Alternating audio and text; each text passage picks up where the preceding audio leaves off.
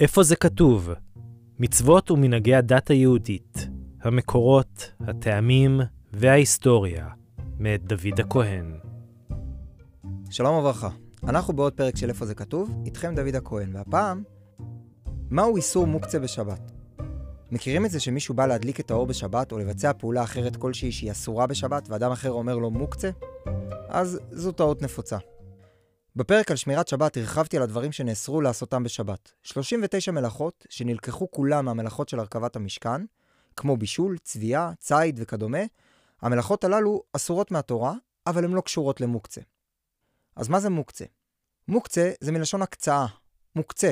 כלומר, דבר חסר שימוש בשבת, ומשום כך הוא מוקצה שלא להזיזו ושלא לעשות בו שימוש. בתלמוד במסכת שבת ישנם שני סיפורים שמהם אנחנו רואים שהאיסור הזה של מוקצה עבר תהליכים במהלך הדורות. בגמרא מסופר שכאשר דוד המלך נפטר בשבת, שלמה המלך בנו שלח שאלה לחכמי ישראל באותה העת, מה לעשות עם גופו של אביו, כיוון שהוא היה חשוף לשמש. והחכמים סיפרו לו פתרונות הלכתיים איך להזיז את הגופה. מהסיפור הזה אנחנו רואים שכבר בתקופת דוד המלך, לפני תחילת בית ראשון, לא הזיזו דברים חסרי שימוש בשבת. בגמרא הזו לא כתוב מהי הסיבה לאיסור, אבל ישנה גמרא נוספת, שם מובאת משנה שמספרת על השתלשלות איסור מוקצה. והגמרא אומרת שהתיאור של המשנה נסוב על תקופת נחמיה בן חכליה, מושל שחי בתחילת תקופת בית שני, שבזמנו ביהודה לא הקפידו כל כך על השבת, והיו עובדים בה כרגיל, ומביאים את התבואה לתוך העיר בשבת, ומוכרים אותה. וכתוב שם במשנה שבגלל המצב, חז"ל גזרו על כלים מסוימים שיהיה אסור להזיז אותם בשבת. ובהמשך אפרט איזה כלים. אז מה בעצם הרעיון בגזרה הזו של חז"ל? למה לא להזיז חפצים, ואיך זה קשור לכך שאנשים לא שמרו שבת?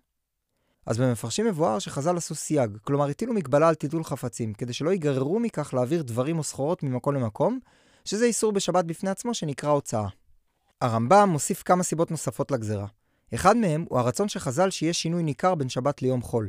ומי שעובד, השבת מורגשת אצלו בזה שהוא נח, אבל האדם שאינו עובד כל השבוע, לא ניכר אצלו שזהו יום שבת. ולכן אסור חכמים לטלטל חפצים שאין בהם שימוש, כדי שגם לאותם אנשים תהיה הרגשה של שבת היום.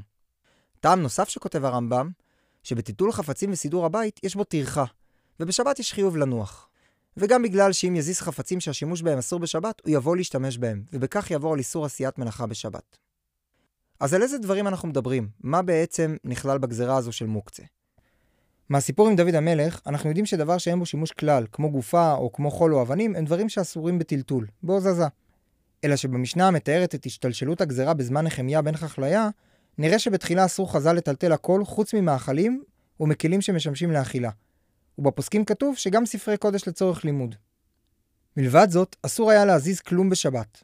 אך כשחז"ל ראו שאנשים יותר מקפידים על השבת, החלו להתיר דברים מסוימים, כמו למשל כלי שיש בו שימוש בשונה מחול, גופה או אבנים, אלא שהשימוש שלו הוא שימוש אסור.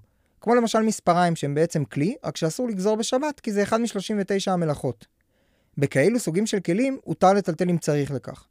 כמו למשל שהחפץ מפריע לי במקום שבו הוא נמצא, מותר להזיזו, או שהוא צריך את הכלי האסור לצורך שימוש שמותר לעשותו בשבת.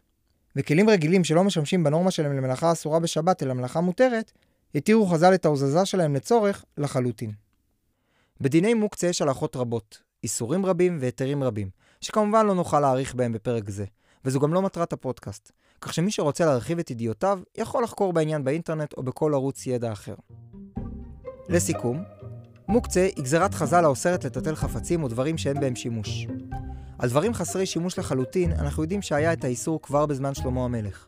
ואילו על חפצים שאינם קשורים לאוכל, נראה שגזרו בזמן נחמיה בן חכליה בתחילת בית שני. ולאט לאט התירו חפצים מסוימים במקרים מסוימים, כיוון שאנשים לא עמדו בגזרה. מטרת האיסור הוא כדי למנוע מאנשים לחלל שבת, כדי לנוח בשבת, וכדי שיהיה ניכר לכולם שזו שבת ולא יום חול.